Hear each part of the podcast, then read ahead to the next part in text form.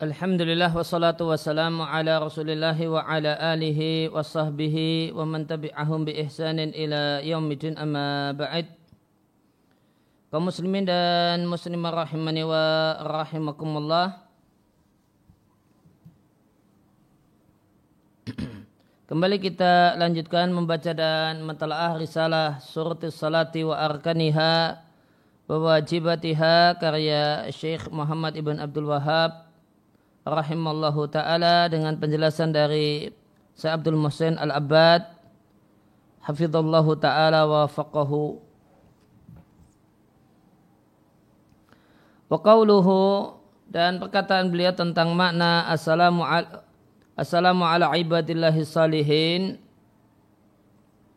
Beliau katakan assalam wassalam dan ucap salam adalah doa. Maka orang-orang yang saleh itu yud'a lahum didoakan bukan yuda'auna ma'allahi menjadi tempat berdoa selain Allah Subhanahu wa taala. Penjelasannya. Maka dalam kalimat ini terdapat tegeri penjelasan tentang tauhid uluhiyah dan bahasanya doa itu ibadah. Waqad qala Allah azza wa jalla Allah azza wa jalla berfirman wa anal masajid lillahi. Masjid-masjid itu milik Allah. Fala tad'u ma'allahi ahada. Maka janganlah engkau berdoa ya, dengan selain Allah kepada selain Allah ahadan kepada siapa pun. Wakat sahabat dan terdapat hadis dari ya, dan telah valid dari Nabi Shallallahu Alaihi Wasallam Nabi bersabda doa huwal ibadatu. Doa itu ibadah diatkan oleh Abu Dawud dan yang lainnya bisa nadin sahihin dengan sanad yang sahih. Fala yud'a ilallahu maka tidak boleh menjadi tempat berdoa kecuali Allah. Tidak boleh istighosa minta untuk dihilangkan kesusahan kepada siapa pun selain Allah. Sebagaimana firman Allah Azza wa Jalla, Ama yujibul mutara idha da'ahu. Apakah zat yang mengabulkan orang yang ya, ya, orang yang menderita ketika berdoa kepadanya dan menghilangkan keburukan dan kejelekan yaitu musibah dan menjadikan kalian khulafa al-ard ya, silih berganti menjadi penghuni bumi. Ailahum Allah. Apakah ada sesembahan bersama Allah? Ya, apakah ada sesembahan selain Allah yang bisa demikian? Qalilan ma tadhakkarun. Betapa sedikitnya kalian mengambil pelajaran.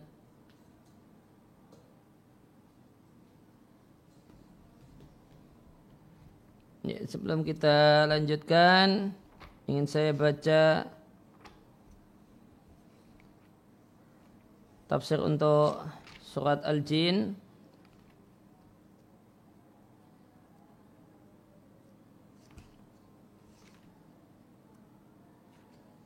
Ayat yang ke-18.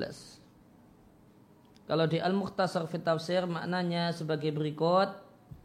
Wa anal masajidal masajidalahu subhanahu la li ghairihi masjid itu milik Allah bukan yang lainnya maka di masjid janganlah kalian berdoa di samping kepada Allah kepada yang lainnya jika kalian lakukan maka jadilah kalian semisal orang Yahudi dan Nasrani di gereja dan di ya, di sinagog-sinagog Yahudi maka masjid diartikan sebagai bangunan dimaknai dengan bangunan masjid.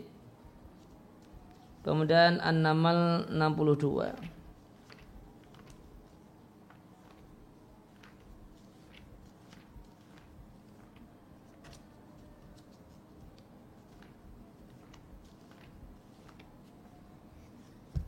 An-Namal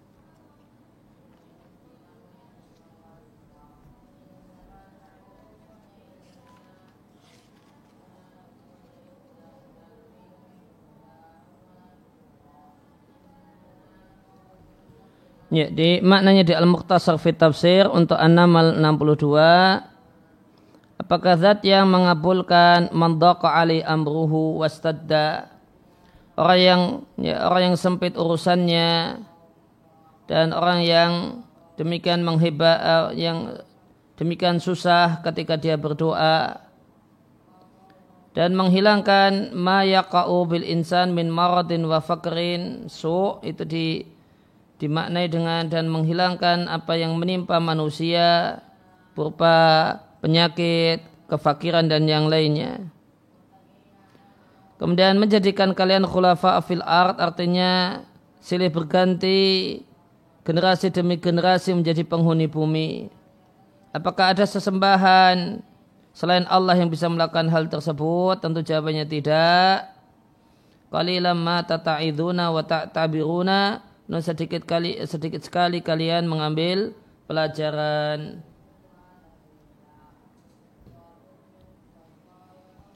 Ya, kembali ke buku. Maka Nabi Shallallahu Alaihi Wasallam dan para Rasul yang lainnya, malaikat demikian juga orang-orang yang saleh. Ya, yuda'alahumullahu ya, maka didoakan untuk mereka kepada Allah kita minta kepada Allah agar Allah memberikan kebaikan kepada mereka dan tidak kemudian ya, dimintai bersama Allah Subhanahu wa taala, dimintai menjadi tempat berdoa selain Allah Subhanahu wa taala. Maka Allah Subhanahu wa taala adalah zat yang yuda'a menjadi tempat berdoa, tempat mengantungkan harapan. Sedangkan selain Allah Subhanahu wa taala itu makhluk maka didoakan ya, agar mendapatkan kebaikan wala yuda'a dan tidak menjadi tempat berdoa. Halaman 69 wa qawluhu rahimallah kemudian perkataan musanib rahimallah dan sahadat Muhammad Rasulullah ya, memberikan persaksian bahasanya beliau Muhammad sallallahu alaihi wasallam adalah hamba yang tidak disembah dan rasul yang tidak boleh didustakan bal yuta'u wa yutaba'u namun ditaati dan diikuti. Al makna artinya anna min sya'nil abdi di antara sifat hamba. Sya'an artinya sifat atau terjemahnya sifat. Ayakuna abidan menjadi seorang yang melakukan ibadah uh, menjadi pelaku penyembahan dan bukan objek sesembahan. Objek penyembahan atau yang disembah dan di antara sifat Rasul adalah musaddaqan dibenarkan, ditaati dan diikuti. Sebagaimana perkataan Syekh Muhammad rahimallahu taala di kitabnya Al-Usul Ats-Tsalatsah atau yang lebih tepat Salasat Al-Usul. Wa makna syahadah dan makna dan yang dimaksud makna adalah konsekuensi dan makna yaitu konsekuensi syahadat Muhammadur Rasulullah itu mengandung empat hal yang pertama mentaati Nabi dalam semua yang Nabi perintahkan. Kemudian meyakini membenarkan Nabi dalam semua yang Nabi ceritakan. Kemudian yang ketiga menjauhi semua yang Nabi naha wa zajara yang Nabi larang. Kemudian yang keempat tidak menyembah Allah kecuali dengan apa yang Allah syariatkan, apa yang Allah tuntunkan. Ya, kemudian wa makna at-tahiyat dan makna at-tahiyat yaitu jami'u ta'zimat semua bentuk pengagungan itu adalah lillahi bagi Allah. Artinya milkan milik Allah wastihqaqan dan hak Allah. Semacam merundukkan badan kemudian rukuk dan sujud. Ya, demikian juga al-baqa'u wa dawam ya, ya, mungkin baka di sini maknanya adalah berdiam diri di satu tempat semacam iktikaf dawam semakna dengan baka ya, maka berdiam diri di satu tempat. Wa jami' ma yu'adhamu bihi rabbul alamin dan semua yang ya, semua gerakan yang digunakan untuk mengagungkan Allah Rabb semesta alam fawalillahi maka itu adalah hak Allah siapa yang memboleh membelokkan minhu syai'an sedikit saja darinya kemudian ditujukan kepada selain Allah maka dia musyrik dan setiap musyrik itu kafir penjelasannya ibadah adalah hak Allah sebagaimana Firman Allah Azza wa Jalla, "Wa ma khalaqtul jinna wal insa illa liya'buduni." Tidaklah ku ciptakan jin dan manusia kecuali supaya mereka menyembahku. Ad-Dariyat 56. Dan firman Allah Ta'ala, "Walaqad ba'athna fi kulli ummatin rasula." Dan sungguh telah kami utus di setiap umat seorang rasul. Semuanya menyuruh anik butullah sembahlah Allah. Wajtani butarut dan jauhilah tarut yaitu jauhilah segala bentuk kemusyrikan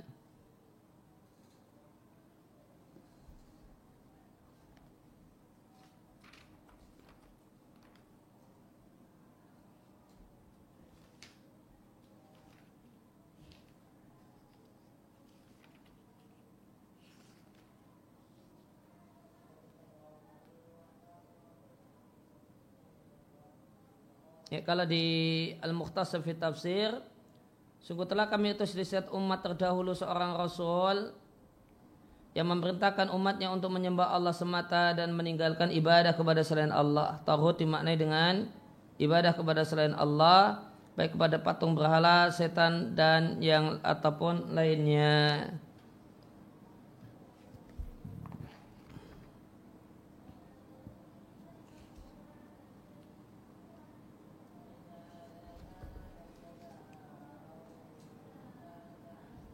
Demikian juga firman Allah Ta'ala di surat Al-Anbiya ayat yang ke-25. Wa ma arsalna min qabli kami rasulin. Tidaklah kami mengutus seorang pun rasul sebelummu. Kecuali kami berikan wahyu kepadanya. Bahasanya tiada sesembahan yang berat disembah. Illa ana. Kecuali aku Allah. Fa'buduni sembahlah. Oleh karena itu sembahlah aku. Maka wajib memberikan semua bentuk ibadah hanya kepada Allah. Dan tidak boleh memberikan satupun minha dari berbagai macam bentuk ibadah kepada selain Allah. Maka salat hanya untuk Allah, rukuk demikian sujud hanya untuk Allah. Wal satu dan doa agar dihilangkan kesusahan hanya kepada Allah dan secara umum doa ulillah doa hanya ditujukan kepada Allah. Tawakal menggantungkan hati hanya kepada Allah wal isti'adah dan memohon perlindungan dari bahaya yang belum terjadi hanya kepada Allah. Wahakada dan demikian semua bentuk ibadah.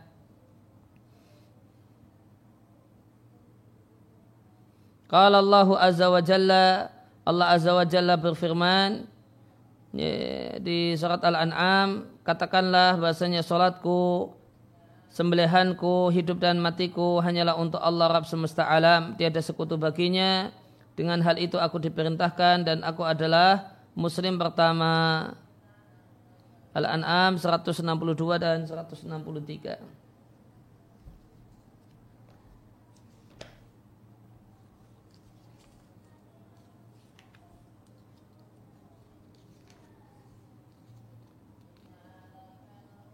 Kalau di Al-Mukhtasar fit Tafsir maknanya sampaikanlah wahai katakanlah wahai sang Rasul sehingga solatku dan sembelihanku, aktivitas menyembelihku itu hanya untuk Allah.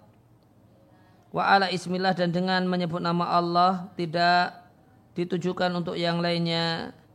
Wahayati wa mauti kuludalika hidupku dan matiku seluruhnya itu untuk Allah Rabb, Rabb segala makhluk semata tidak untuk yang lain eh, dan tidak ada bagi yang lainnya nasibun sedikit pun bagian fidzalika dalam hal itu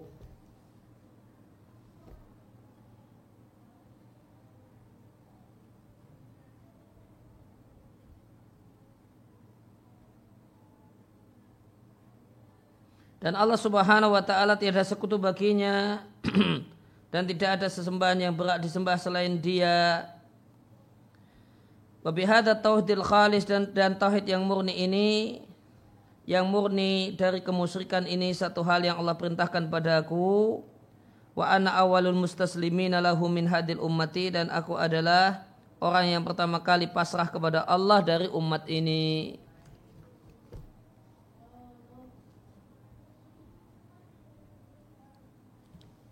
Ya, kemudian beliau sampaikan Waman sarafa syai'an min anwa'il ibadati li ghairillahi. Siapa yang memberikan satu saja dari berbagai macam bentuk ibadah, dia berikan dan dia tujukan kepada selain Allah, maka dia musyrik dan kafir. Wahadal hukmu dan fonis ini innama huwa alal itlaq.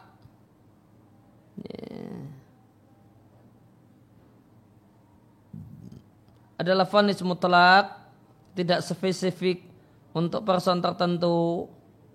Sedangkan untuk person tertentu maka itu berlaku alaman balaghatul hujjatu untuk orang yang hujah dalil kebenaran tauhid telah sampai kepadanya.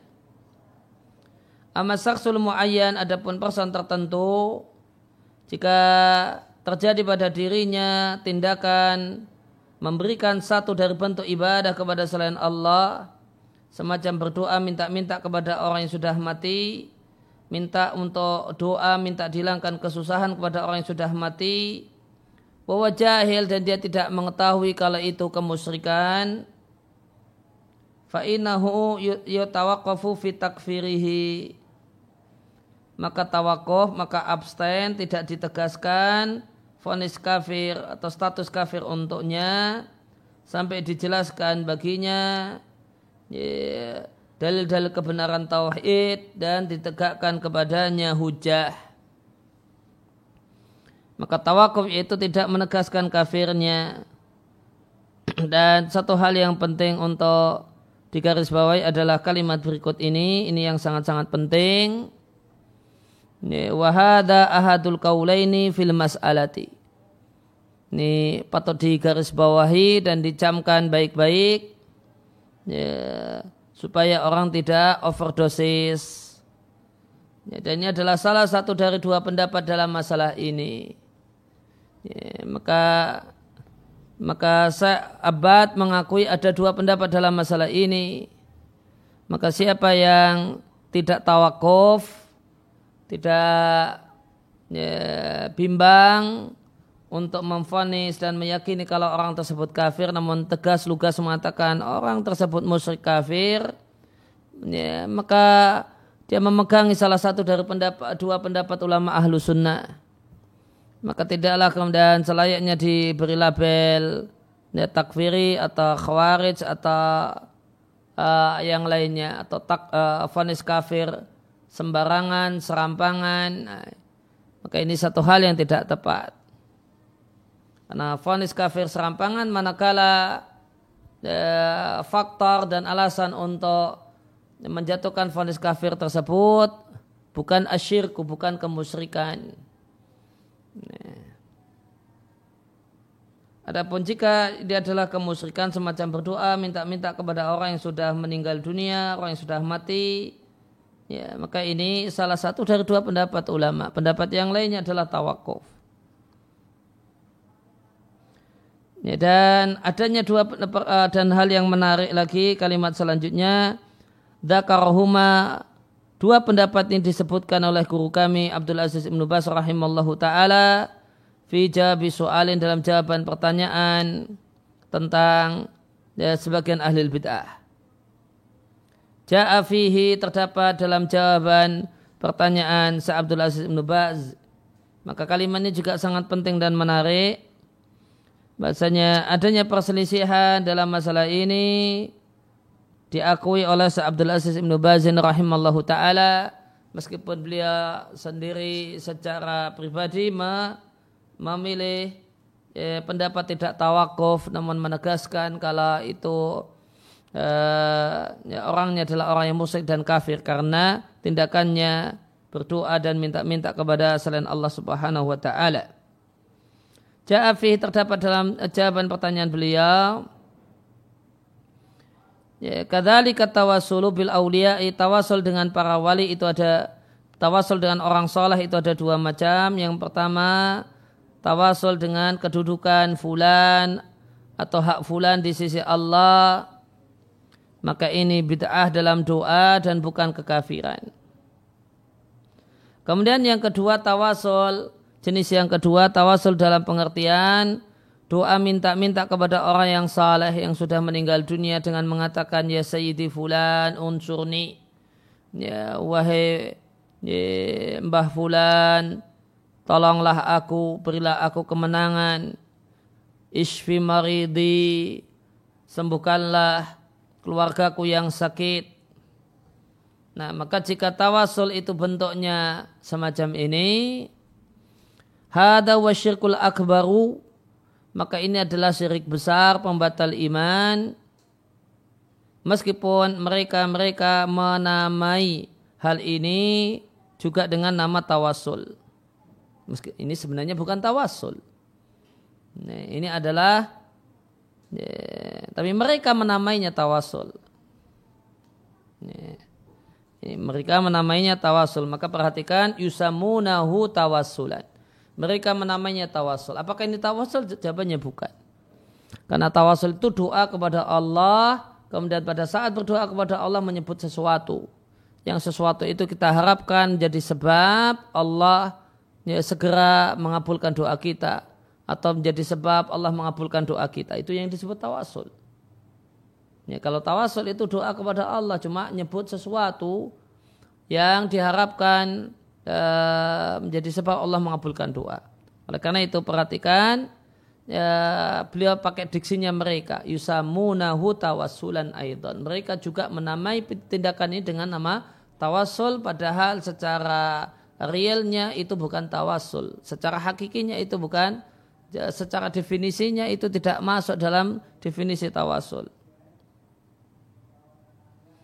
Nah, ya, istighosah dengan bentuk semacam ini istighosah ya, minta tolong untuk dihilangkan kesusahan kepada makhluk kepada orang yang sudah mati ya, dalam keadaan ya, orangnya tidak meyakini kalau makhluk tersebut ya, bisa menyembuhkan orang yang sakit dan yang lainnya dalam dalam keadaan tidak, tidak meyakini orang yang sudah meninggal dunia tersebut ada pada dirinya sifat rububiyah. Maka ini hada min amal jahiliyah. Inilah perbuatan yang dipraktekkan oleh orang musyrik jahiliyah. Nah. Adapun tawasul jenis pertama, tawasul dengan ya, dengan kedudukan fulan di sisi Allah atau hak fulan di sisi Allah maka itu bid'ah dan sarana kemusyrikan.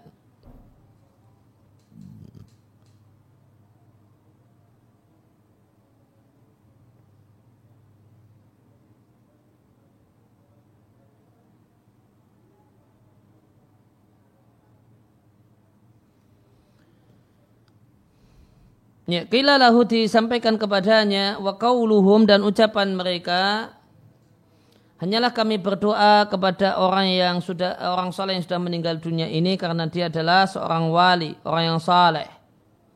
Dan segala sesuatu itu di tangan Allah. Wahada dan orang saleh ini sekedar wasitoh perantara. Kal maka jawabannya ini adalah praktek orang-orang musik terdahulu. Fakauluhum maka ucapan sebagian orang yang minta-minta sama Badawi kubur uh, satu kubur di negeri Mesir. Nyata Husain kubur Husain diklaim ada di Mesir dan ada di Irak. Madat ya Badawi bantuan wahai Badawi bantuan wahai Husain hada jinsu amali Abi Jahlin wa ashbahi maka ini sejenis perbuatan Abu Jahal dan orang-orang yang serupa dengannya Lianam karena mereka orang musik jahiliyah mereka mengatakan tidaklah kami menyembah berhala-berhala kami. Artinya mereka menyembahnya dengan berdoa kepadanya illa kecuali supaya mereka mendekatkan kami kepada Allah. Zulfa agar punya kedudukan yang mulia. Mereka mengatakan haulai syufa'auna indallahi. Mereka mereka itu adalah pemberi syafaat untuk kami di sisi Allah Hada doa maka berdoa minta-minta kepada selain Allah adalah kekafiran dan kemusyrikan kepada Allah Azza wa Jalla. Walakin ikhtalafal ulama'u ya.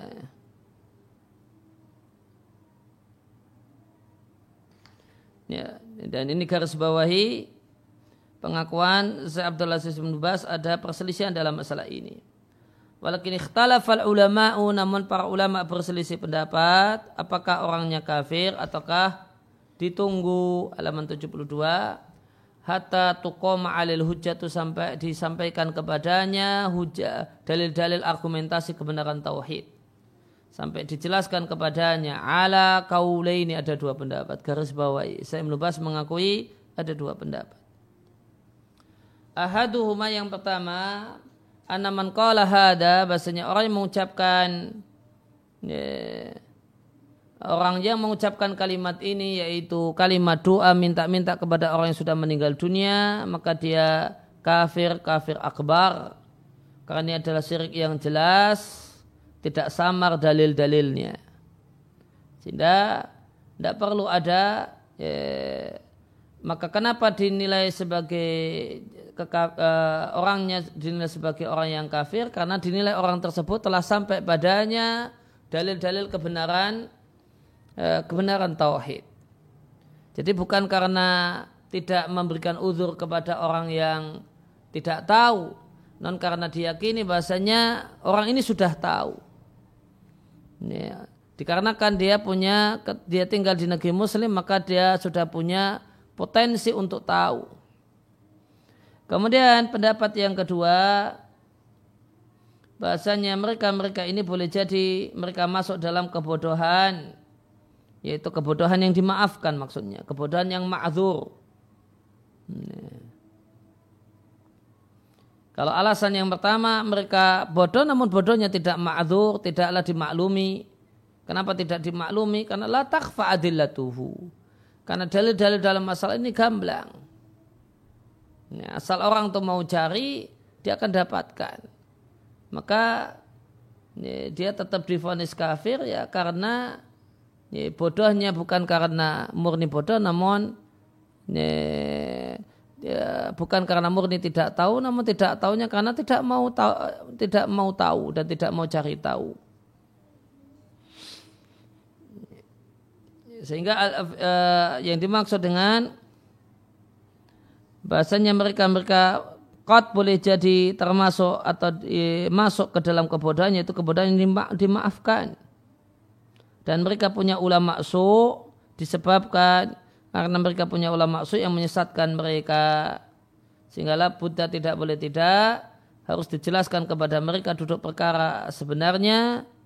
Yuwaddah lahum ya, disampaikan kepada mereka al-amru realitas senyatanya hai sehingga yataddiha lahum gamblang bagi uh, mereka. Karena Allah Azza wa Jalla berfirman wa ma kunna mu'adzibina hatta nab'atha rasula. Kami tidak akan mengadab sampai kami mengutus seorang rasul. Sampai hujah itu sampai hu, dalil, eh, dalil kebenaran tauhid itu tersampaikan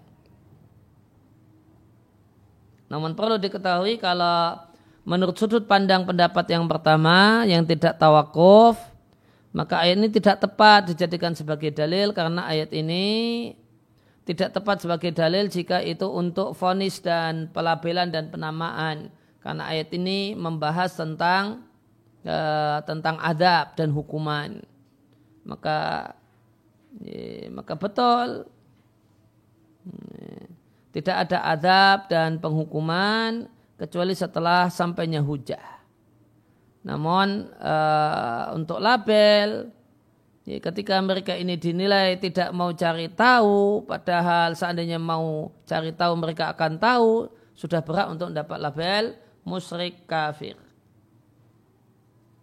Faida wadalahumul al amru jika duduk perkaranya yaitu bahaya kemusyrikan dan jeleknya kemusyrikan itu telah jelas bagi mereka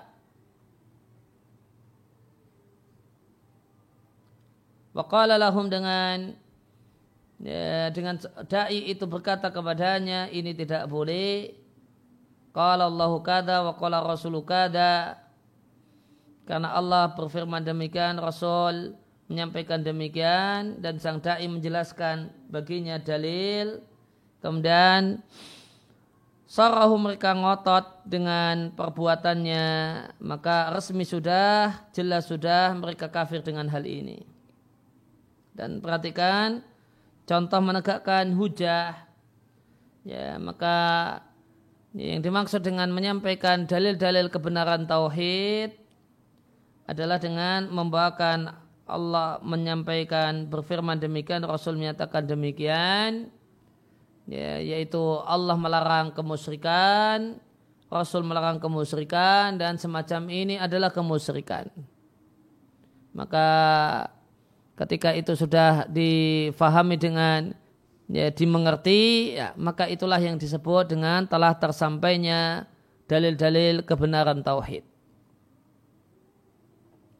Artinya yang dimaksud dengan telah tegak padanya hujah atau telah sampai padanya dalil-dalil kebenaran tauhid adalah fahmul khitab adalah faham faham di uh, bisa komunikasi dengan baik dan faham kalau sudah diberitahu ini itu bentuk kemusyrikan.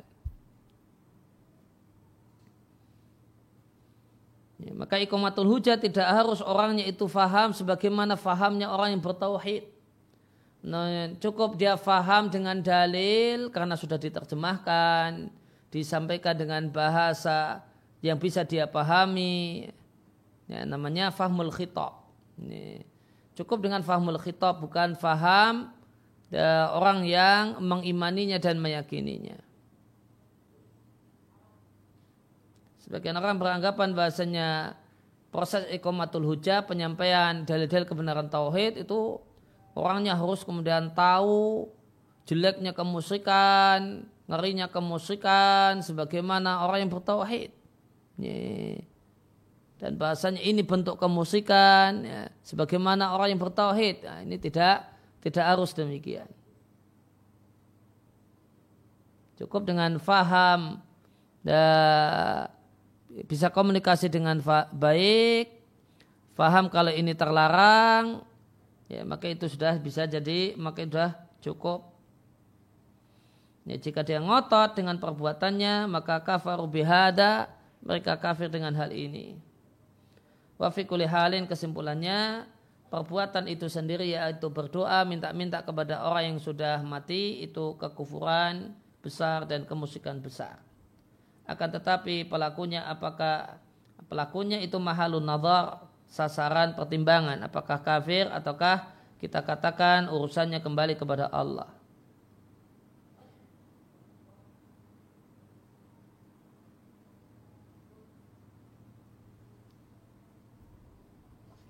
Namun kalau kita perhatikan uh, bahasa yang dipakai oleh Sa'ibnu Bazin, karena tadi jawaban uh, fatwa Sa'ibnu Baz, maka pembahasannya mahalun nador itu antara kafir ataukah kita katakan urusannya kembali kepada Allah.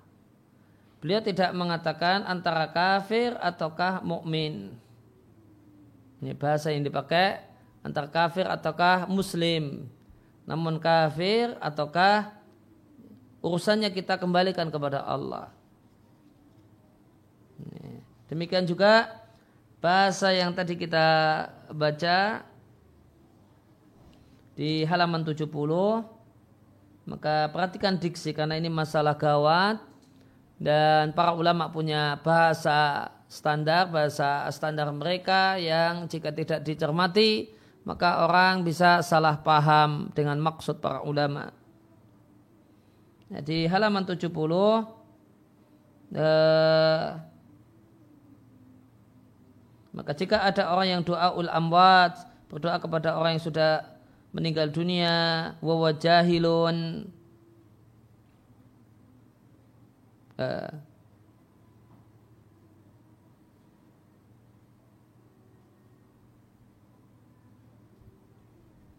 dan dia tidak tahu fa'inau yatawaqqaf fit takfirihi. Maka tawakuf tentang vonis kafir untuknya sehingga dijelaskan kepadanya dan ditegakkan padanya hujah itu disampaikan kepadanya dalil-dalil kebenaran tauhid. Ya, maka uh, disampaikan tawakuf dengan vonis kafir untuknya tidak uh, menegaskan keislamannya. Ini cuma bahasa yang dipakai tawakuf untuk vonis kafir untuknya, bukan diperselisihkan apakah dia muslim ini, ataukah tidak muslim.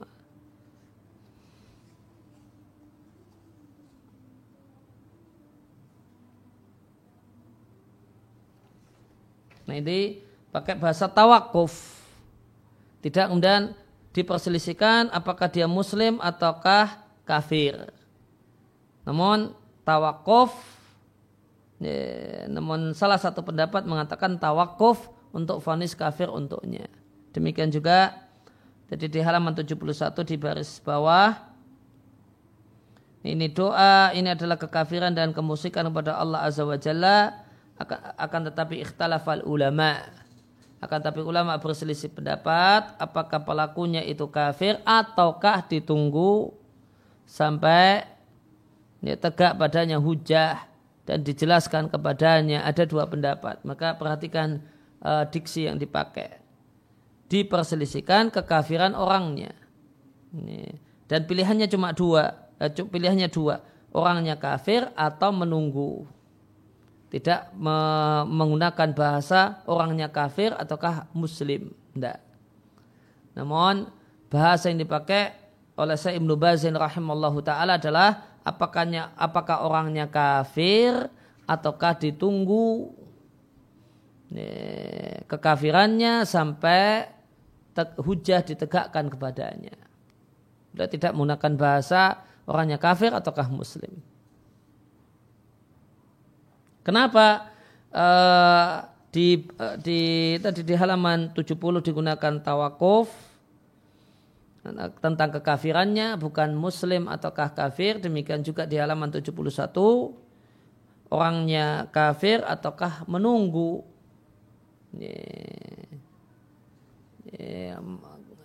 tidak menegaskan orangnya kafir ataukah muslim. Ya, maka lebih detailnya ada di halaman 72.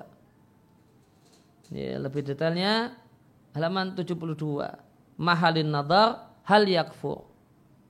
Ya, apakah orangnya kafir ataukah? Ya, ternyata kebalikan dari uh, menegaskan kafir itu adalah amruhu ilallahi.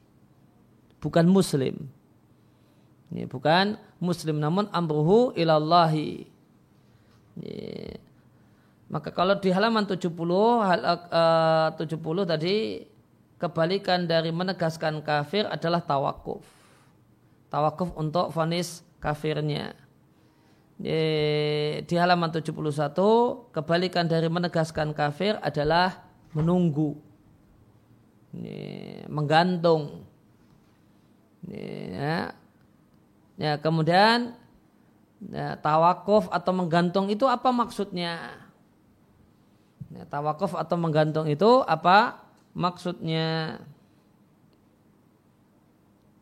Kan kan kurang jelas ya. ya tawakuf itu apa? Tawakuf kafirnya, nah itu kemudian menggantung, menunggu atau ditunggu, digantung orangnya, statusnya digantung. Nah apa itu maksudnya? Nah dijelaskan di halaman 72 amruhu ilallahi yang tidak mengatakan kafir itu mengatakan bahasanya status keadaan orang tersebut terserah kepada Allah. Kot yakunu min ahli fatrati. Boleh jadi dia bisa masuk dalam kategori alifatrah li'annahu ma buina lahu al-amru. Karena belum dijelaskan padanya duduk perkaranya. Fayakunu hukmuhu hukmu ahli fatarat maka hukumnya adalah hukum ahli fatarat perhatikan. Oh ternyata yang dimaksud dengan tawakuf itu adalah dimungkinkan dia adalah termasuk ahli fatrah. Dan ahli fatrah ini amruhu ilallahi azza wa jalla. Kalau ahli fatrah itu urusannya dan statusnya terserah kepada Allah. Ini ini hukum dunia ataukah hukum akhirat? Jawabannya hukum akhirat. Jadi hukum dunianya adalah ahlul fatarat. Ya, kemudian statusnya di akhirat adalah amruhu ilallahi azza wa jalla. Ini, terserah kepada Allah azza wa jalla.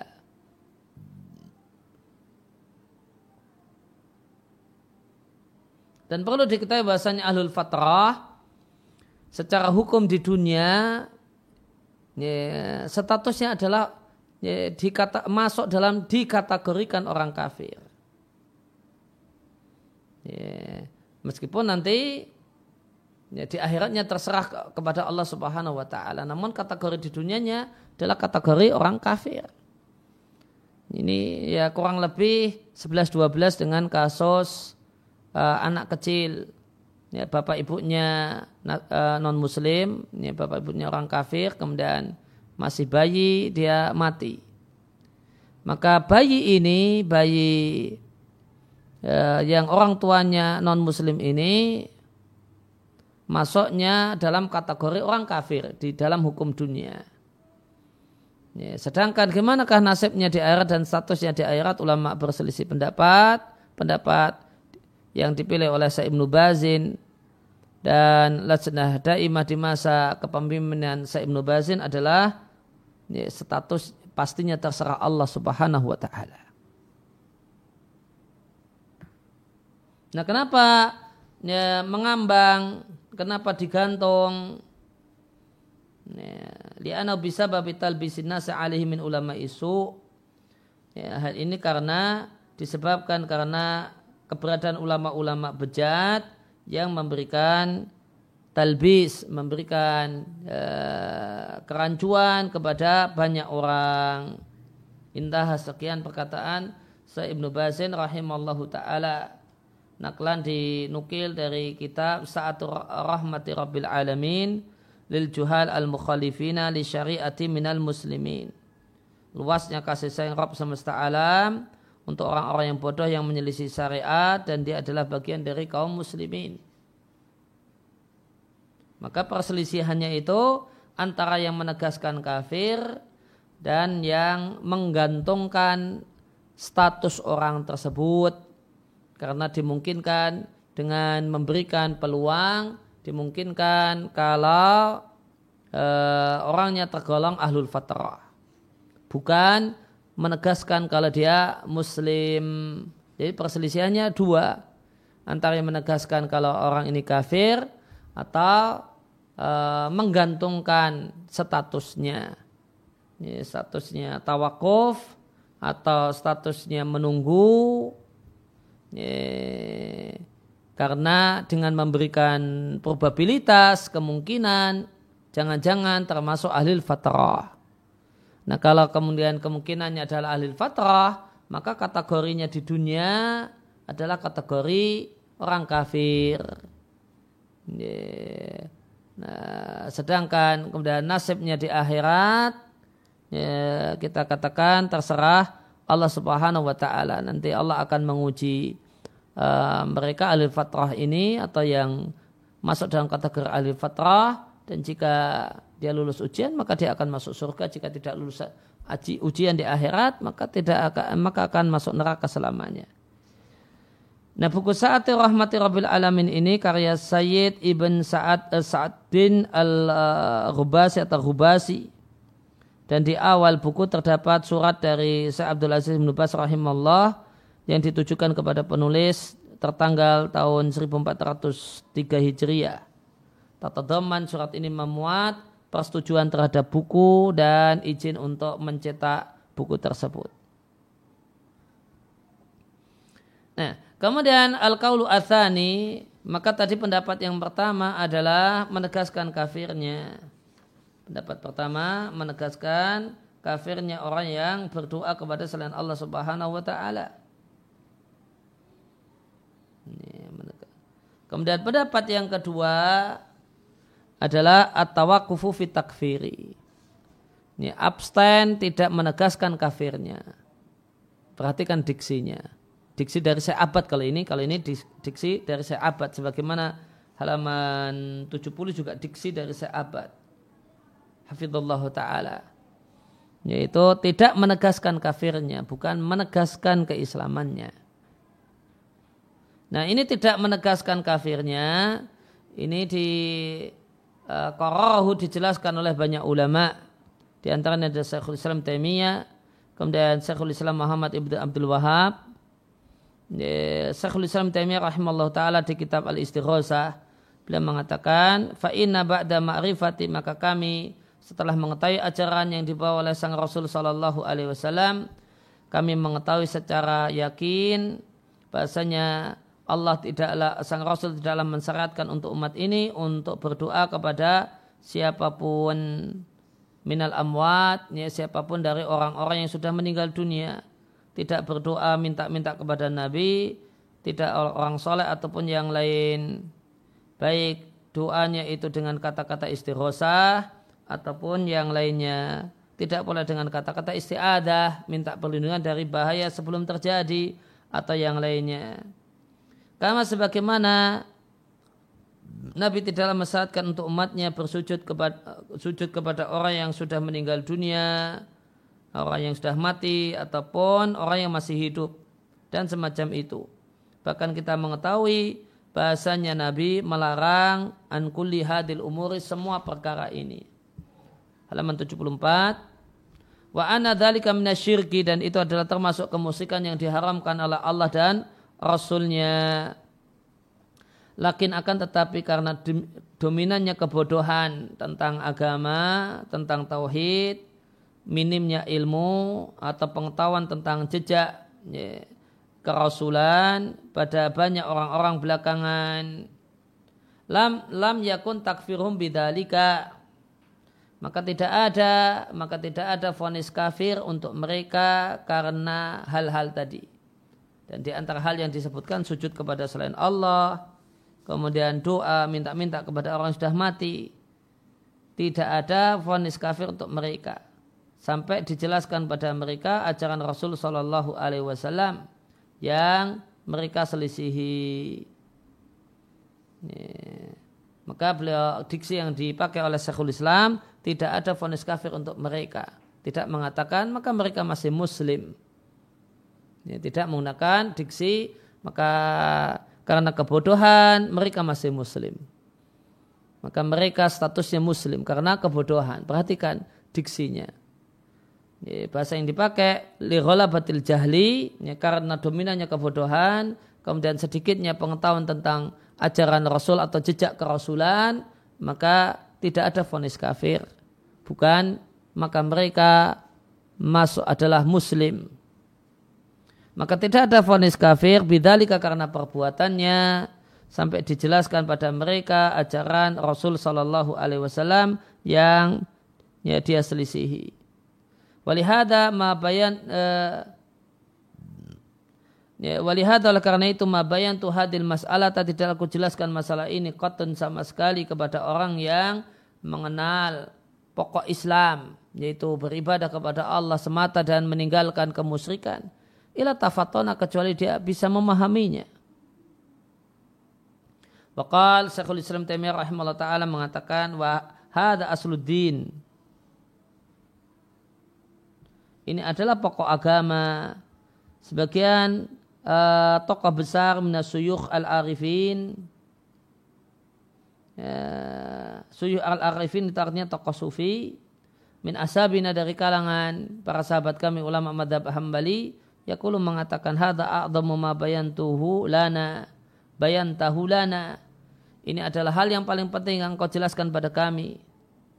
Kenapa beliau merespon demikian? Li ilmihi bi anna hadza asluddini. Karena ini adalah ini pokok agama.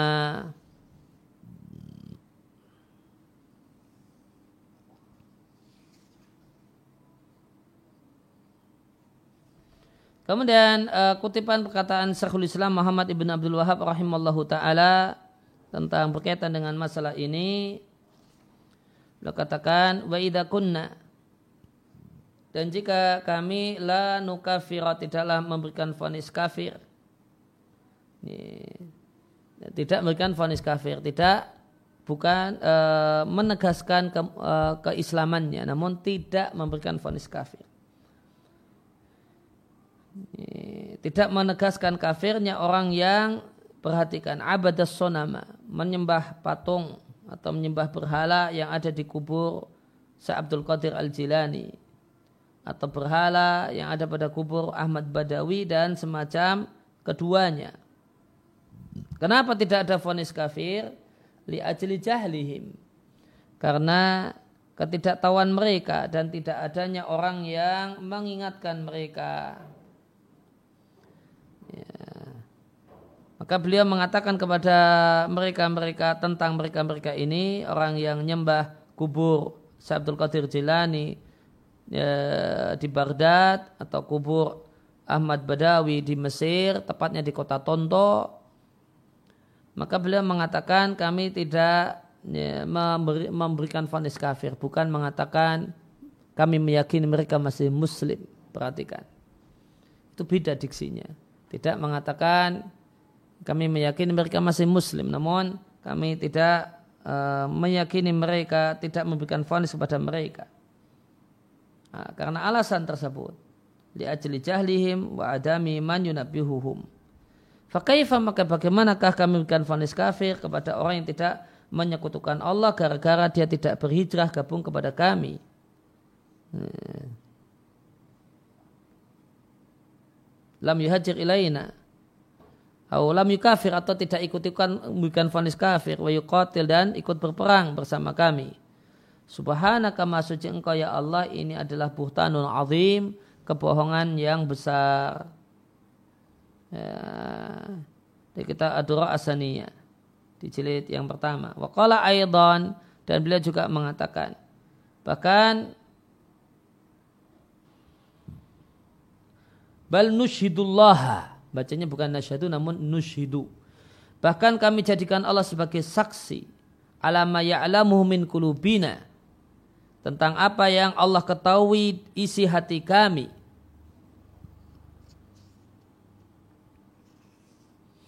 Nah apa isi hati saya Muhammad? Yang beliau menegaskan dan Allah minta, beliau meminta Allah sebagai saksinya.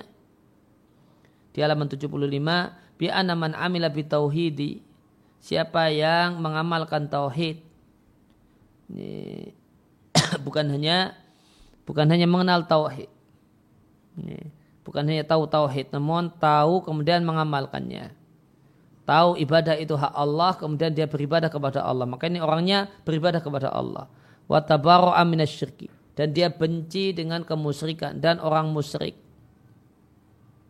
dia benci dengan kemusyrikan benci dan meninggalkannya. Tabaro'a tidak hanya sekedar benci, namun benci dan meninggalkan kemusikan dan orang musyrik. Maka dia muslim. Fi zamanin wa makanin di setiap zaman dan di setiap tempat.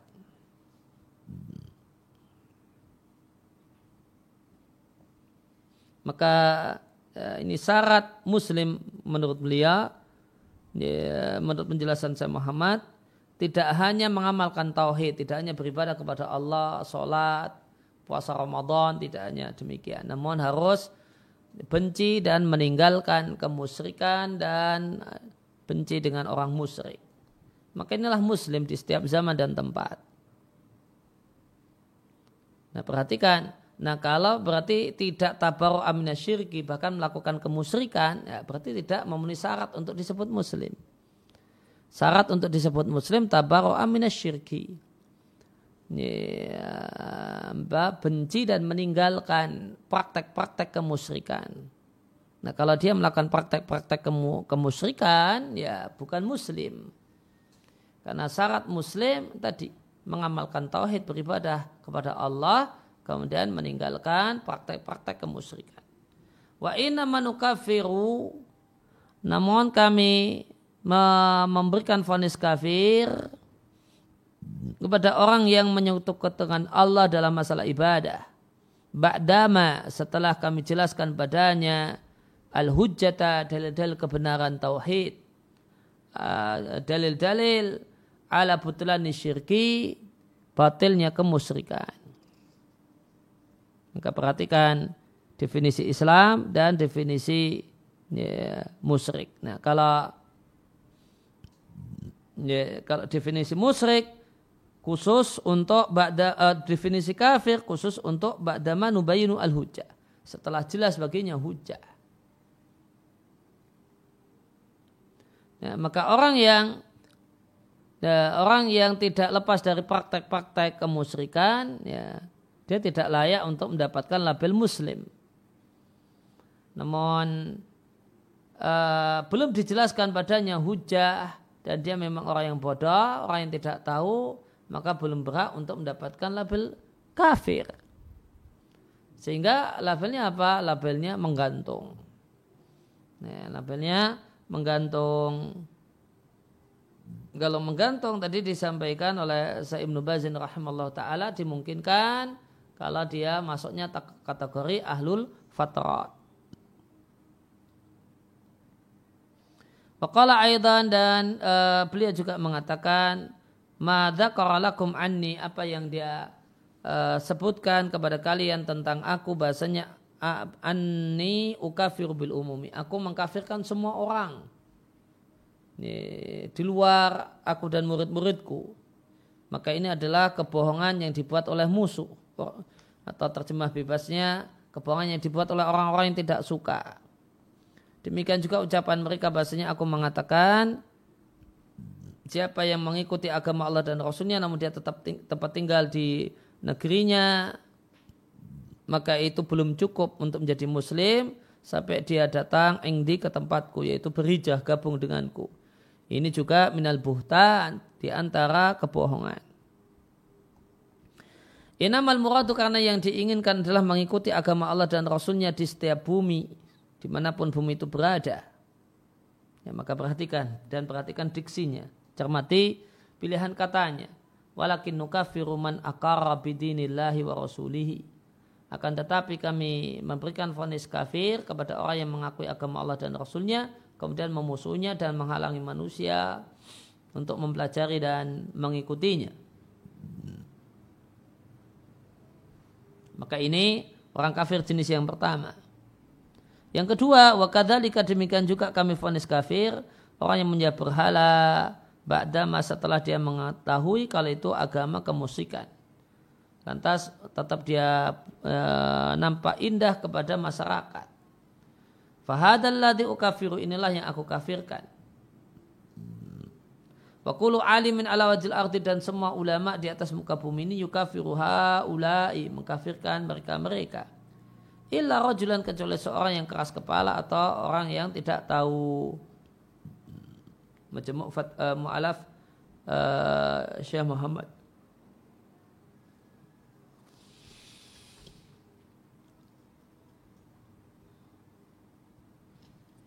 Nah, kemudian waqala aidan beliau juga mengatakan wa amma ma dzakarul a'da'u adapun yang disampaikan oleh orang-orang yang tidak suka anni tentang diriku bahasanya aku mengkafirkan bidhanni dengan sangkaan halaman 76 bil mualati atau dengan loyalitas. Atau kafir al jahila atau aku memfonis kafir orang yang bodoh yang belum tegak badannya hujah. Maka ini ya, kedustaan yang besar mereka menginginkan dengan kalimat ini agar masyarakat menjauh dari agama Allah dan Rasulnya maka kalau beliau mengkafirkan orang yang bodoh yang belum tegak hujah maka itu kebohongan Beliau tidak mengkafirkannya. beliau tidak mengkafirkannya. Namun apakah menegaskan keislamannya? Nah itu hal yang hal yang berbeda. Karena beliau telah sampaikan definisi muslim itu apa. Beliau telah sampaikan definisi orang kafir itu demikian. Dan beliau telah jelaskan muslim itu demikian. Kemudian saya Abdul Latif bin Abdurrahman ibn Hasan al Syekh di kitabnya Minhajul Ta'sis wa Taqdis beliau mengatakan saya Muhammad rahimallahu taala adalah termasuk orang yang paling gigih dan semangat untuk tawakuf wa ihjaman dan mundur min itlaqil kufri dari pelabelan ya, kekafiran, pelabelan kafir. Hatta sampai-sampai annahu beliau lam yajzam tidak menegaskan, perhatikan, tidak menegaskan kafirnya orang yang bodoh. Yang berdoa kepada selain Allah, berdoa kepada orang yang sudah ada di alam kubur dan yang lainnya. Jika tidak memungkinkan baginya adanya orang yang menasihatinya dan hujah telah dan menyampaikan hujah kepadanya. Nah hujah itulah sampainya hujah itulah yang menyebabkan yakfuru tarikuha. Orang yang meninggalkannya, meninggalkan hujah dia kafir. Maka definisi kafir adalah orang yang telah sampai kepadanya hujah. Ini, ini orang yang sampai kepadanya hujah kemudian dia tinggalkan. Yaitu hujah uh, hujah kebenaran tauhid telah sampai kepadanya namun dia tinggalkan. Nah ini definisi orang kafir. Nah kalau belum, ya, kalau belum sampai padanya hujah, perhatikan berdasarkan kalimat sebelumnya, maka sikap saya Muhammad adalah tawakuf kafirnya. Ya, tawakuf kafirnya tidak menegaskan keislamannya, namun tawakuf tentang kekafirannya. Ya, kalau tentang al-jahil tadi beliau katakan lam yaj lam yajzam bitakfir tidak menegaskan kafirnya. Bukan menegaskan keislamannya, namun tidak menegaskan kekafirannya.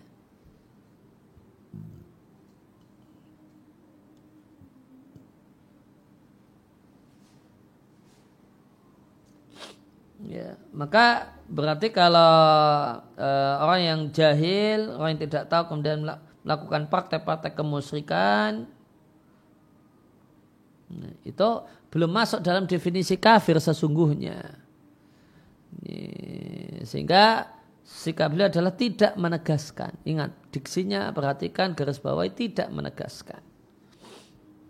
Kalau saya Muhammad mengatakan di sebagian surat beliau, Wa idza kunna dan jika kami la nuqatilu kami tidaklah memerangi orang yang menyembuh uh, orang yang menyembah kubahnya kawa sampai nataqaddam bidakwatihi.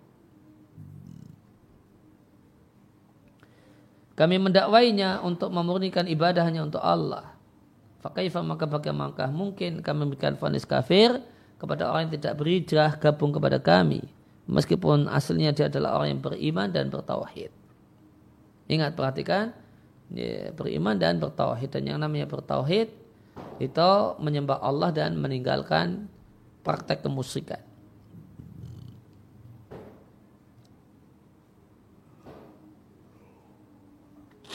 Wakal uh, saya Muhammad uh, saya Abdul Latif mengatakan wakat suila dan beliau ditanya tentang semisal mereka mereka orang yang bodoh. Gimana nasibnya? Maka beliau jelaskan bahasanya orang yang telah tegak padanya hujah dan punya kelayakan untuk mengenali hujah yakfuru bi ibadatil kubur maka dia tegas kafir karena uh, menyembah kubur.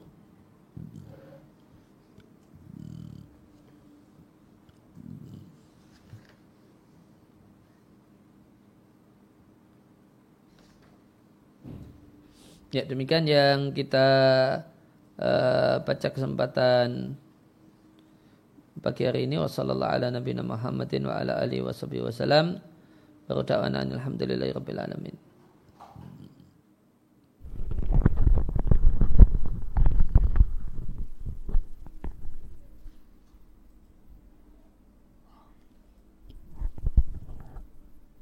Baik, Sat, uh, ada pertanyaan. Assalamualaikum. Waalaikumsalam warahmatullahi saat bagaimana sikap para ulama menyikapi kelompok Syiah Rafido yang telah melenceng dari Islam yang lurus? Uh, ya tentu yang jelas uh, mereka orang yang uh, sesat dan perbuatannya sebagaimana perbuatan juga perbuatan yang sesat. Nah, Baik, uh, berikutnya Barakallahu fiik Ustaz. Wallahi barik fikum.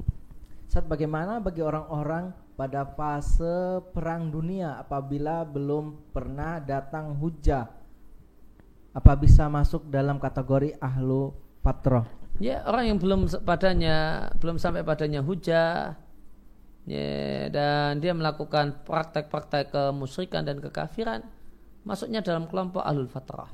Nah, Yang berikutnya Sat. Ahsanallahu ilaikum. Wa ilaikum.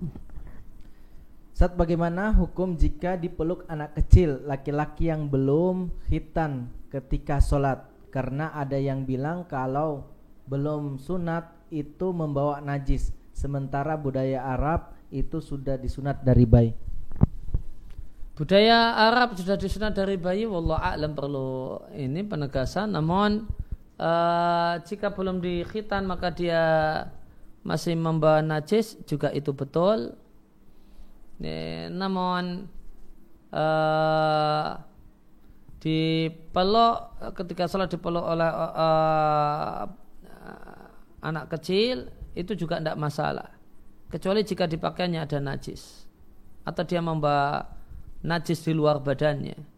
Semacam pempes yang sudah bernajis ya. Ya, namun jika uh, dia pakai pempesnya bersih atau tidak ada najis di pakaian yang dia pakai termasuk pakaian adalah pempes ya karena uh, pempes itu statusnya pakaian ya, maka tidak mengapa sebagaimana Nabi uh, menggendong umamah dan membiarkan Hasan dan Husain di punggung Nabi ketika Nabi sujud. Ya itu ya, ini menunjukkan bolehnya hal ini. Nah. Baik saat yang berikutnya. Assalamualaikum. Waalaikumsalam warahmatullahi. Saat jika seperti saat ini banyak yang meminta dan berdoa ke orang yang sudah meninggal sedangkan dia bukan orang yang jahil hidup di kota besar. Hujah sudah ditegakkan. Apa hukum bagi mereka Ustaz? Uh, mengatakan banyak itu tidak mudah. Ya, seorang muslim hati-hati dalam bertutur kata. Ya, mengatakan banyak itu tidak mudah. Ya, kalau mengatakan ada, ya, itu mungkin. Tapi banyak, ya itu harus ya minimal punya don kuat. Dan ketika seorang uh, ya, mengatakan banyak itu ya punya don kuat. Kalau tidak melakukan sensus minimal punya don kuat. Dan don kuat itu pakai indikator. Ya ya tidak harus sensus sebagaimana dalilnya sebagaimana ucapan orang yang membatalkan puasanya dengan hubungan suami istri. Ya, orang ini belum sensus penduduk Madinah namun mengatakan di kota Madinah tidak ada orang yang lebih miskin daripada saya dan keluarga saya itu. Kemudian satu hal yang patut untuk diperhatikan, orang datang ke kubur kemudian mengangkat tangannya uh, di hadapan kubur belum tentu doa minta-minta kepada penghuni kubur. Tidak boleh menegaskannya. Ini namanya ya, tuduhan berdasarkan prasangka. Ini, tuduhan berdasarkan prasangka dan itu tidak boleh. Ini, jadi semata-mata orang datang ke kubur boleh jadi ya, kubur orang soleh, kubur wali dan yang lainnya, kemudian dia angkat tangan ber, e, berdoa, itu tidak bisa ditegaskan. Dia minta-minta kepada penghuni kubur. Bisa jadi dia berdoa e, ada kemungkinan yang lebih besar karena dohirnya muslim, dia berdoa minta sama Allah Subhanahu wa taala. Boleh jadi dengan keyakinan, meskipun boleh jadi dengan keyakinan yang keliru dia minta kepada Allah Subhanahu wa taala dengan keyakinan doa lebih makbul kalau di sini atau dia minta kepada Allah Subhanahu wa taala dengan tawasul dengan biljah dan itu tidak membatalkan keislaman. Ketika dia mengatakan ya Allah uh, sembuhkanlah anakku yang sakit dengan kemuliaan walimu yang makamnya ada di sini, maka ini uh, bukanlah satu hal yang membatalkan keislaman. Yeah. Maka poin-poin ini yang patut untuk uh, patut untuk dicermati baik-baik. Dan tentang definisi uh, siapakah itu uh, definisi orang kafir tadi telah bolak-balik telah kita uh, kita sampaikan. Silakan dicermati dan disimak ulang. Nah. Baik, Sat, uh, pertanyaan berikutnya Sat. Ahsanallahu ilaikum Sat. Wa ilaikum. Sat izin bertanya bagaimana hukum membeli sarapan di warung milik muslim namun dia berjualan di depan pintu klenteng tempat peribadahan orang kafir. Kalau kita pembelinya tidak masalah. Ya. Terus nanti kemudian uh, itu untuk konsumen. Ya. Meskipun nanti kemudian uh, ada uh, ada respon yang berbeda berkenaan dengan si muslim yang jualan. Kalau pertanyaannya masalah pembelinya. membeli ya kalau pertanyaan tentang masalah membeli tidak masalah.